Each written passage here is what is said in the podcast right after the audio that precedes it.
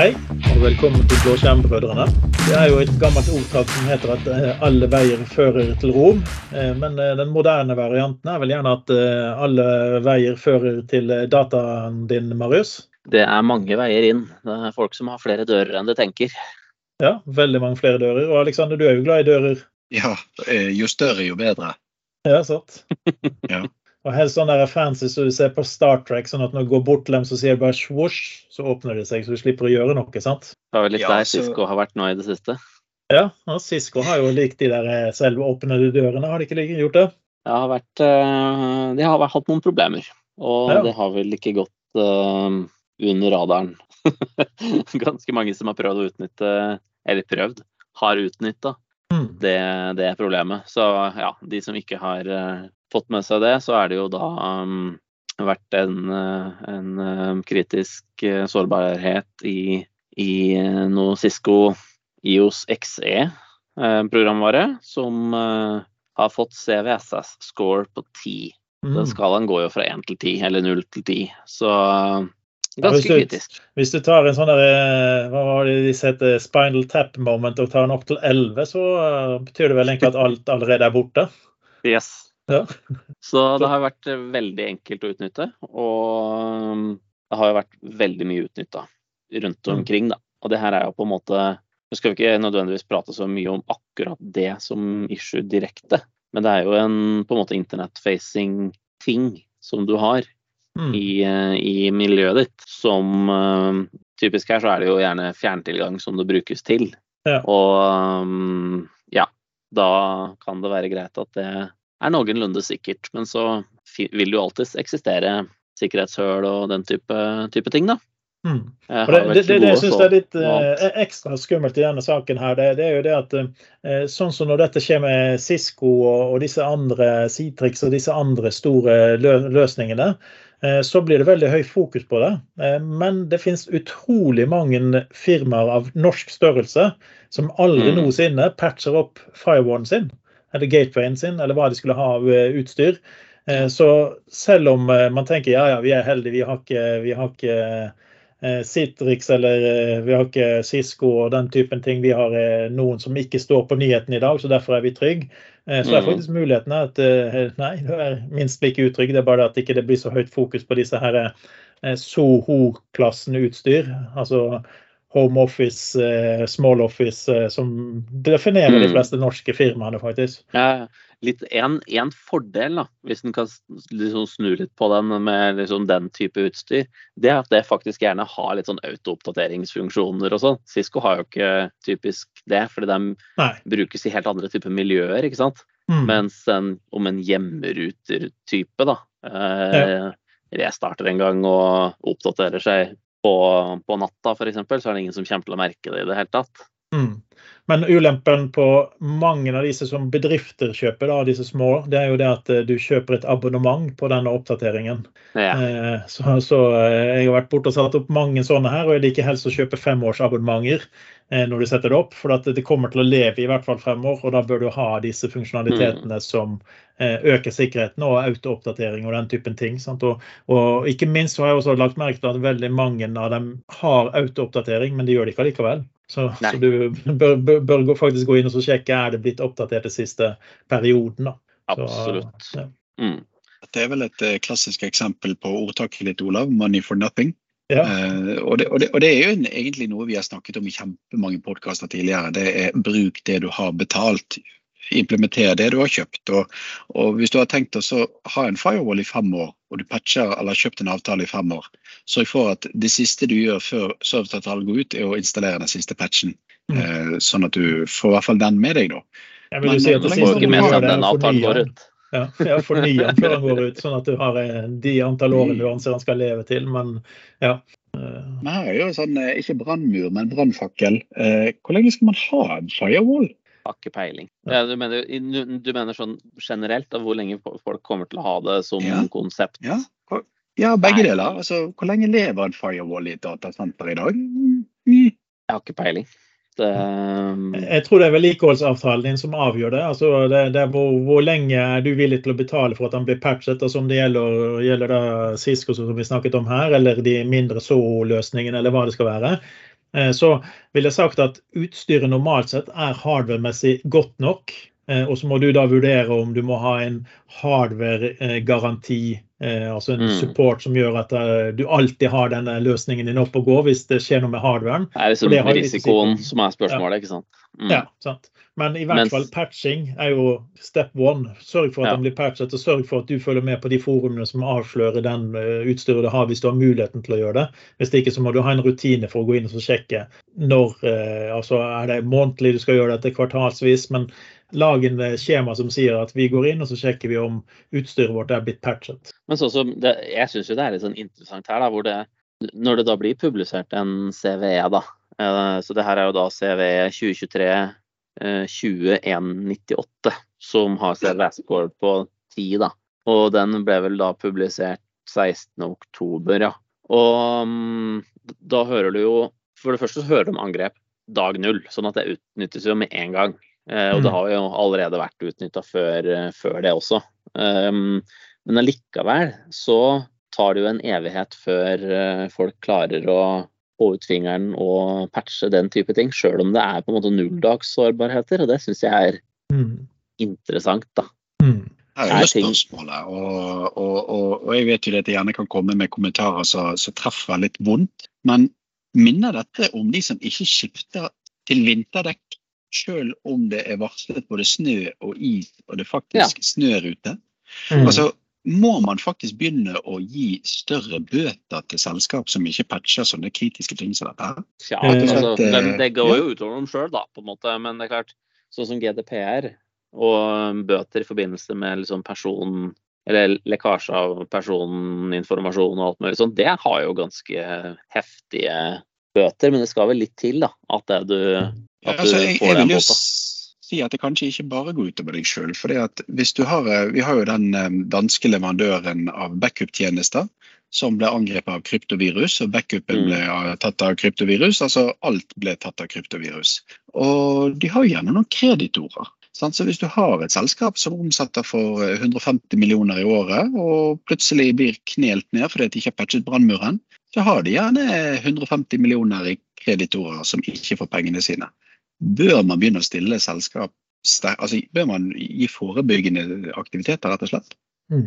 Ja, jeg tror nok det er noen nå som på på en måte gjør det i forbindelse med, mer, mer sånn investoraktivitet og, Mm. og litt sånt. da. Eh, Og folk har jo også mer og mer sånn type forsikringer og sånt i forbindelse med, med IT-angrep. Um, og hvordan Men bør forsikringen gjelde hvis med- ikke de klarer å ja, Bør Ja, forsikringen gjelde da? Sant? det var dit jeg, dit jeg skulle, da. Og jeg, jeg Mm. vet ikke hvordan på en måte regress fungerer i den verden der, med at forsikringsselskapet nekter å betale noe fordi de har på en måte vært uforsiktige eller ikke yes. ført med i timen. da.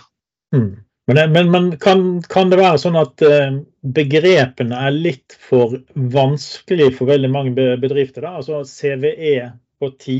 Uh, jaha, det, hva sier det egentlig? Altså For oss sier det noe, men for andre så er ikke det sikkert at de reagerer på det. For at du får jo en CVE-informasjon tilsendt hele tiden. Eh, Riktignok veldig få på ti, men, uh, men du får veldig mange du egentlig bør ta hensyn på. Hvor, hvor på skalaen må du agere? Ja, ikke sant. Ja. Ja, det er et godt poeng, det. Det klart, Er det ti, så bør du virkelig agere, hvis du vet at Ja, eh, jeg, ja, jeg har noe utstyr som er påvirka av de greiene her. Men um, det her er på en måte en Det her er veldig sånn derre påvirker Cisco. Veldig Mm. konkret. Og så har du andre typer issues, da, sånn som um, gode gamle Log4j og de greiene der. Da var det Mm. mye mer sånn usikkert, fordi det var jo mer sånn um, et bibliotek som var brukt av applikasjoner mm. hvilke applikasjoner har du som bruker det? Har ikke peiling. Og der har du litt sånn mer sånn, hva heter det software, et eller annet bill of materials. Um, jeg husker ikke helt hva det heter. jeg. Software bill of materials. Eh, hvor du um, Jo, det heter det. Um, hvor, eh, applikasjonene, eh, og det stilles det mer og mer krav til, da, skal si noe om hvordan er det den applikasjonen her er blitt bygd, hva, er den, hva baserer den seg på, hvilke avhengigheter har den til andre tredjepart, eh, biblioteker og sånne ting. Hvordan er de bygd, og sikkerheten bak det. Hvem er det som har eh, på en måte bidratt med kode inn her. All, all den sporbarheten og det å på en måte lettere kunne se den type avhengigheter. Da. Men da begynner det, å, det begynner å bli komplisert for ganske mange. da. Mm, ja. Og da kommer det egentlig, hva, hva skal du legge ned tiden på patcher? Så hvis du tenker at du, du, kan jo få en CVE f.eks. på 10 eh, som ligger på Adobe Reader på noen ja. av PC-ene dine. Men kun hvis du eh. har eh, installert uh, 7-zip i tillegg. Altså, det, er, det, er mange sånne typer greier. Hvor, altså, det er et merkelig eksempel, da, men hvor du har en konfigurasjon da, som mm. gjør at vet du hva, det er ikke du påvirka av, for du bruker ikke den og den funksjonen, eller du gjør ikke sånn og sånn. Mm. Og pga. det så er din score egentlig null, på en måte, fordi du, du, det er ikke mulig å utnytte hos deg. Men det er jo vanskelig å si loops, ja. Spørsmålet her er jo litt sånn Vi, vi liker jo denne sommerdekksanalogien min. altså det, det, det, er jo veldig mye å følge med enkelte steder. Er det rett og slett behov for eh, en dataansvarlig i bedriften som har oversikt på sikkerhet? Et førerkort, datakortet på IT-sikkerhet, som du kan miste? Um, ja, så, Flott hvis Sison mister sertifikatet sitt på IT-sikkerhet. Seks måneder uten sertifikat, så ja. Men, ja, men, men det, her... det er jo veldig, veldig på en måte, Konsekvensen kan være enorm, da. Mm. Men, men, vi ser jo det at uh, dette her har jo egentlig gjort at man må våkne litt mer og tenke over en av de buzzwordene som, kom, som var før AI og KI. Eh, og det var jo zero trust. Altså, mm. Nå er vi så opptatt av kunstig intelligens at vi helt glemmer at vi har andre ting vi bør tenke på også. Og da har vi jo eh, kunst, eh, da, kun, kunstig zero trust. Da har vi, da har vi zero trust-konseptet som er livsviktig når ting som dette skjer. For hvis firewallen din er blitt brutt, mens den går inn til neste lag, og de lagene er godt nok beskyttet, eh, mm. så er jo ikke risikoen like høy som hvis du har den gamle modellen. at den firewallen din sto foran alle serverne dine, og ingen av de har noen ekstra lag med sikkerhet. Ja, Det er et veldig godt poeng, hvor du på en måte har ende-til-ende-sikkerhet ikke sant? fra klienten til server. Altså, Ja, mm. den passerer gjennom en eller annen firewall som, har, som er på en måte breached, da. men hva så? Det er Kanskje det er noen form for kryptering med IPSec eller lignende, eller at det er, du bruker eh, nye eh, Entra Global Secure Access, og du har ikke den firewallen lenger. Du har på en måte du har en helt annen type sikring. Um, mm. Og uh, du har, um, har Altså at, at, at, det passordet ditt er på avveie, da. Vet du hva, det er ikke så veldig farlig. Det, du kommer ikke den eneste plass med bare det passordet uansett. Klart mm. AD er litt tricky å sikre der, men, men um, uh, arkitekturprinsippet rundt, rundt, Zero Trust, det er det vil, lø det vil, løse veldig mye, da. At man mm. tenker det på en måte hele veien gjennom vi, vi, har jo den utfordringen som går igjen. Vi, vi ser jo dette sånn så, Du er jo veldig flink til å sette opp disse conditional access-reglene, Marius, og snakker jo veldig varmt om dette både hos kunder og podkaster ellers. Men plutselig så finner Telenor ut til at IP-versjon 6 deres skal ha gateway utenfor Norge. Eh, og det, Dette er jo liksom en gjennomgående ting at vi stoler kun på ting som kommer fra Norge. Og så plutselig skjer det en sårbarhet hos en leverandør som gjør at IP-adressen kommer ut fra et annet land. Mm. Er det der A1 kommer inn, eller skal vi fortsatt ha Zero Trust? Det, det, Nei, altså, godt, det, det, men det er egentlig et sånn godt eksempel på folk som har, tror de har tenkt zero trust, men som overhodet ikke tenker zero trust. Hvor du på en måte sier, du godkjenner land og alt mulig sånt. En ting er blokker mm. Kina og Russland, da, bare sånn, gjør sånne enkle ting, men tror du en eller annen russisk hacker bare Å, jeg fanker ned conditional access-regler som blokkerer Russland? Ja, nei, men da, da gir jeg opp. Yeah. Altså, det, ikke sant, det skjer jo ikke. De finner jo en annen VPN eller en eller annen hjemmeruter i Finland, og så går de via den i stedet for. Så mm. de har jo 100 måter å, å, komme rundt akkurat den blokaden på. Da. Så mm. Men du tar et, du tar et, lite lag og gjør det litt vanskeligere? Ja, sånn, så, absolutt. Det er jo ja. noe med å ha på en måte eh, gjøre den første delen litt vanskeligere. Jeg så annoyance av det så jo jeg det når vi var hos MVP-dagen her eh, forleden. Eh, og holdt eh, MVP-dagen hos Microsoft. Mm. For de har tydeligvis rutet all trafikken sin via USA eller England. Og det var randomness.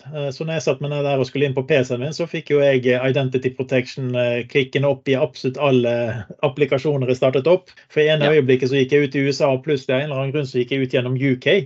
Eh, og for fem minutter siden så hadde jeg jo faktisk vært på hotell i Norge eller på 4G-en i Norge og, så, og koblet meg opp. Så, så, da kicket jo den typen beskyttelse inn. Så der ser vi det.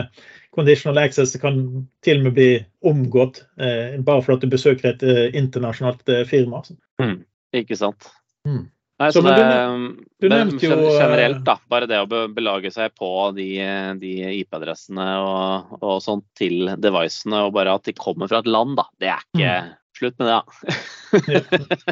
Så. Men det går på level and layers, sant? som vi har snakket om mange ganger før. Alexander. Det går på det at uh, du må finne ut eh, hvilket lag skal eh, sikres på hvilket nivå. Sant? Altså, Firewallen din er en, fortsatt en ekstremt viktig, viktig komponent for å forhindre at de kommer seg inn. Sant? Så den, den må sikres, og må sikres ganske høyt også. sånn sett. Og så må man da vurdere eh, om serverne, klientene, dataene, applikasjonene osv. alt sammen skal sikres på hvilket nivå de skal sikres for å følge da zero trust. Eh, men det skumleste er jo det at hvis du begynner å lese med zero trust, så bare gir du opp. For du bare tenker dette klarer ikke jeg å implementere likevel, så vi kan bare la være. Eh, men du må jo begynne. Mm. Ja, ikke sant. Og, så um, er jeg på Hvis man har um, litt gode prinsipper rundt, uh, rundt uh, det å kunne mikrosegmentere forskjellige, forskjellige nettverk osv. At det er på en måte devicene dine faktisk kan De når bare de tingene de, mm, de skal, ikke alt mulig annet. Så, så har man også mulighet til å i hvert fall begrense inngangsportene sine der også. Men det er litt sånn interessant, da. For det altså, ja, vi, vi begynte først å prate om inngangsporter, da. For det er typisk et, et eller annet datasenter, da, som Eller de aller fleste, da. Når jeg, når jeg, når, litt av bedrifter av en viss størrelse, de har jo gjerne et VAN eller et eller annet lignende, og så har de noen ruter ute på, ute på lokasjon, kanskje en firewall per lokasjon. Enten så aksesserer de noe sentralt nett over internett, type site-to-site VPN, Um, eller at det de har, da, type et mer privat van levert av en eller annen vanleverandør, og så rutes de gjennom et datasenter og, og ut på internett uh, derifra. Mm, Um, men de, man, har jo gjerne ganske mange forskjellige ting som er internett-eksponert. mm, Og um, det å ha kontroll på hva som finnes der, med forskjellige løsninger altså Det finnes jo masse løsninger rundt sånn type external attack surface management og, og lignende. Og um, det kan være veldig, veldig nyttig å på en måte ja, ha en liten form for uh, liste da, over hva som faktisk finnes der, og helst at den skal være auto-oppdatert og ikke noe som må vedlikeholdes. mm. hadde jo et eh, fantastisk eksempel der eh, den trådløse dekningen på et eh, fritidsbygg i en offentlig, eh, in, offentlig tjenesteleverandør ikke var så veldig god. Så de som drev denne fritidsinstitusjonen, de kjøpte sin egen ruter og koblet den i veggen. Det betyr jo egentlig det at du hadde et åpent gjestenett, som alle hadde tilgang til, som fikk tilgang til det interne nettverket til den denne offentlige institusjonen. Så bare det å ikke ha beskyttet det kablede nettverket, eller i det hele tatt bare ha den patchet opp, gjorde det at nå kunne noen publisere hele nettverket med et pre-shared key, som alle ungdommene på denne lokasjonen brukte. Så det å kjøpe en ruter til 500 kroner, gjorde det at eh, de hadde eksponert alle serverne på en wifi. Mm. Og det er jo der disse, disse dyrere løsningene kommer inn, hvor du faktisk enten må ha et sertifikat selv på kablete maskiner, eh, sånn som noen har. Og så er er- alternativet er jo også da at man eh, slutter å ha kablet, sånn som vi har snakket om tidligere, og bare går for wifi og sikkerheten på det. For det kan faktisk være tryggere å bare ha wifi enn kablet nettverk. Det høres jo galskap ut at det skal være tryggere med wifi, men det er jo akkurat disse access-punktene hvor noen kan koble inn i en extender eh, som gjør at de får tilgang. Sånn. Ja visst. Jeg tipper Telia og Telenor eh, bør ha noen selgere som lytter til podkasten vår og kjenner sin besøkelsestid for å få 4G i flere PC. Ja, ikke sant? Ja. Yes. Nei, men Vi har jo snakket litt om masse dører. Eh, Vi glemte egentlig den, eh, den, den, den beste Wifi-en, holdt jeg på å si. Det er jo det å sette opp en RDP-maskin et eller annet sted som du publiserer ut i Azure f.eks. Og så har du da, selv om Azure gir deg klar beskjed om at dette her bør ikke publiseres ut, så gjør man jo det veldig ofte allikevel. Og hvis den maskinen er koblet til et nettverk som har andre muligheter, så er det jo eh, ganske langt på vei til trøbbel. Så, så, så det er jo som vi begynte med, hvor mange dører har du egentlig inn til alt det du har publisert? Altså vi, vi, vi må kalkulere, som Mario sier, vi må, hvis vi kan få automatisk oppdatert alle endepunktene vi har på utsiden, altså alle access-veiene vi har på utsiden, eh, så tror jeg veldig mange får sjokk da når du begynner å se hvor mange ting de har publisert uten å være klar over det. Mm. Absolutt. Jeg tror det er uh, overraskende mye for, uh, Mm. for enkelte. Mm. der kommer det vel gjerne inn verdien av sånne eksterne pentestere. Altså de som tar betalt for å avdekke disse sårbarhetene før kjeltringene gjør det. Um, og så er det da en kost-nytte-analyse. Hva koster det å leie inn noen som skal finne ut av disse sårbarhetene? Og klarer de å finne alle? Det er jo egentlig et godt spørsmål. Jeg, jeg, tror faktisk utfordringen med, utfordringen med masse av pentestene nå, det er altså, det, det, det lar seg løse, da, men en del av utfordringen nå det er jo at uh, før var det enkelt for pentestene, fordi de visste hvilken accesspunkt du har mot internett, altså hvilken IP-adresser, hvilken leverandører. Uh, men nå når du har Google, Amazon, Uh, Asher, Alibaba, altså diverse datasentre som har diverse ting over hele verden, så er det veldig vanskelig å vite hvor døren din er uten å være på innsiden. Altså Du må mm. først ta en pentest fra innsiden for å avsløre alle veier du har til å gå ut. Og det kan være ganske omfattende, det òg, men det, er faktisk eneste måte å finne ut alle dørene dine inn ved at du går fra utsiden, eller fra innsiden og ut før du prøver å gå fra utsiden og inn. Ja, godt poeng. Yes. Men da har vi fått litt frykt. Har vi patchet oss opp, Marius? Er firewallen din trygg? Firewallen min, den autooppdaterer. Ja. Så den går jeg for at er trygg. ja. Windows firewall, altså? Ja, typisk Windows firewall. Yes. Ja. Og du da, Aleksander? Ja, men jeg patcher helt andre ting, jeg. Så her er det gnagsårplaster som er tingen. Sørge for at du kan løpe rundt noe og tanke om knekkede PC-er fortest mulig. Ja, ikke sant. Yes. Ja. Men husk alle dørene dine, og pass på at du tenker sikkerhet i alle lag. Eh, og Zero Trust det er ikke noe som nødvendigvis er bare for en totalimplementering, men det er en vei til å begynne å sikre seg med å begynne å tenke så tidlig på mulig på Zero Trust-prinsippene. Eh, det, det, er ikke så skummelt som man tror, men man må begynne. Hvis det ikke kommer man aldri i mål. Så sier vi takk for denne gang. Takk for deg. Takk for nå. Hei.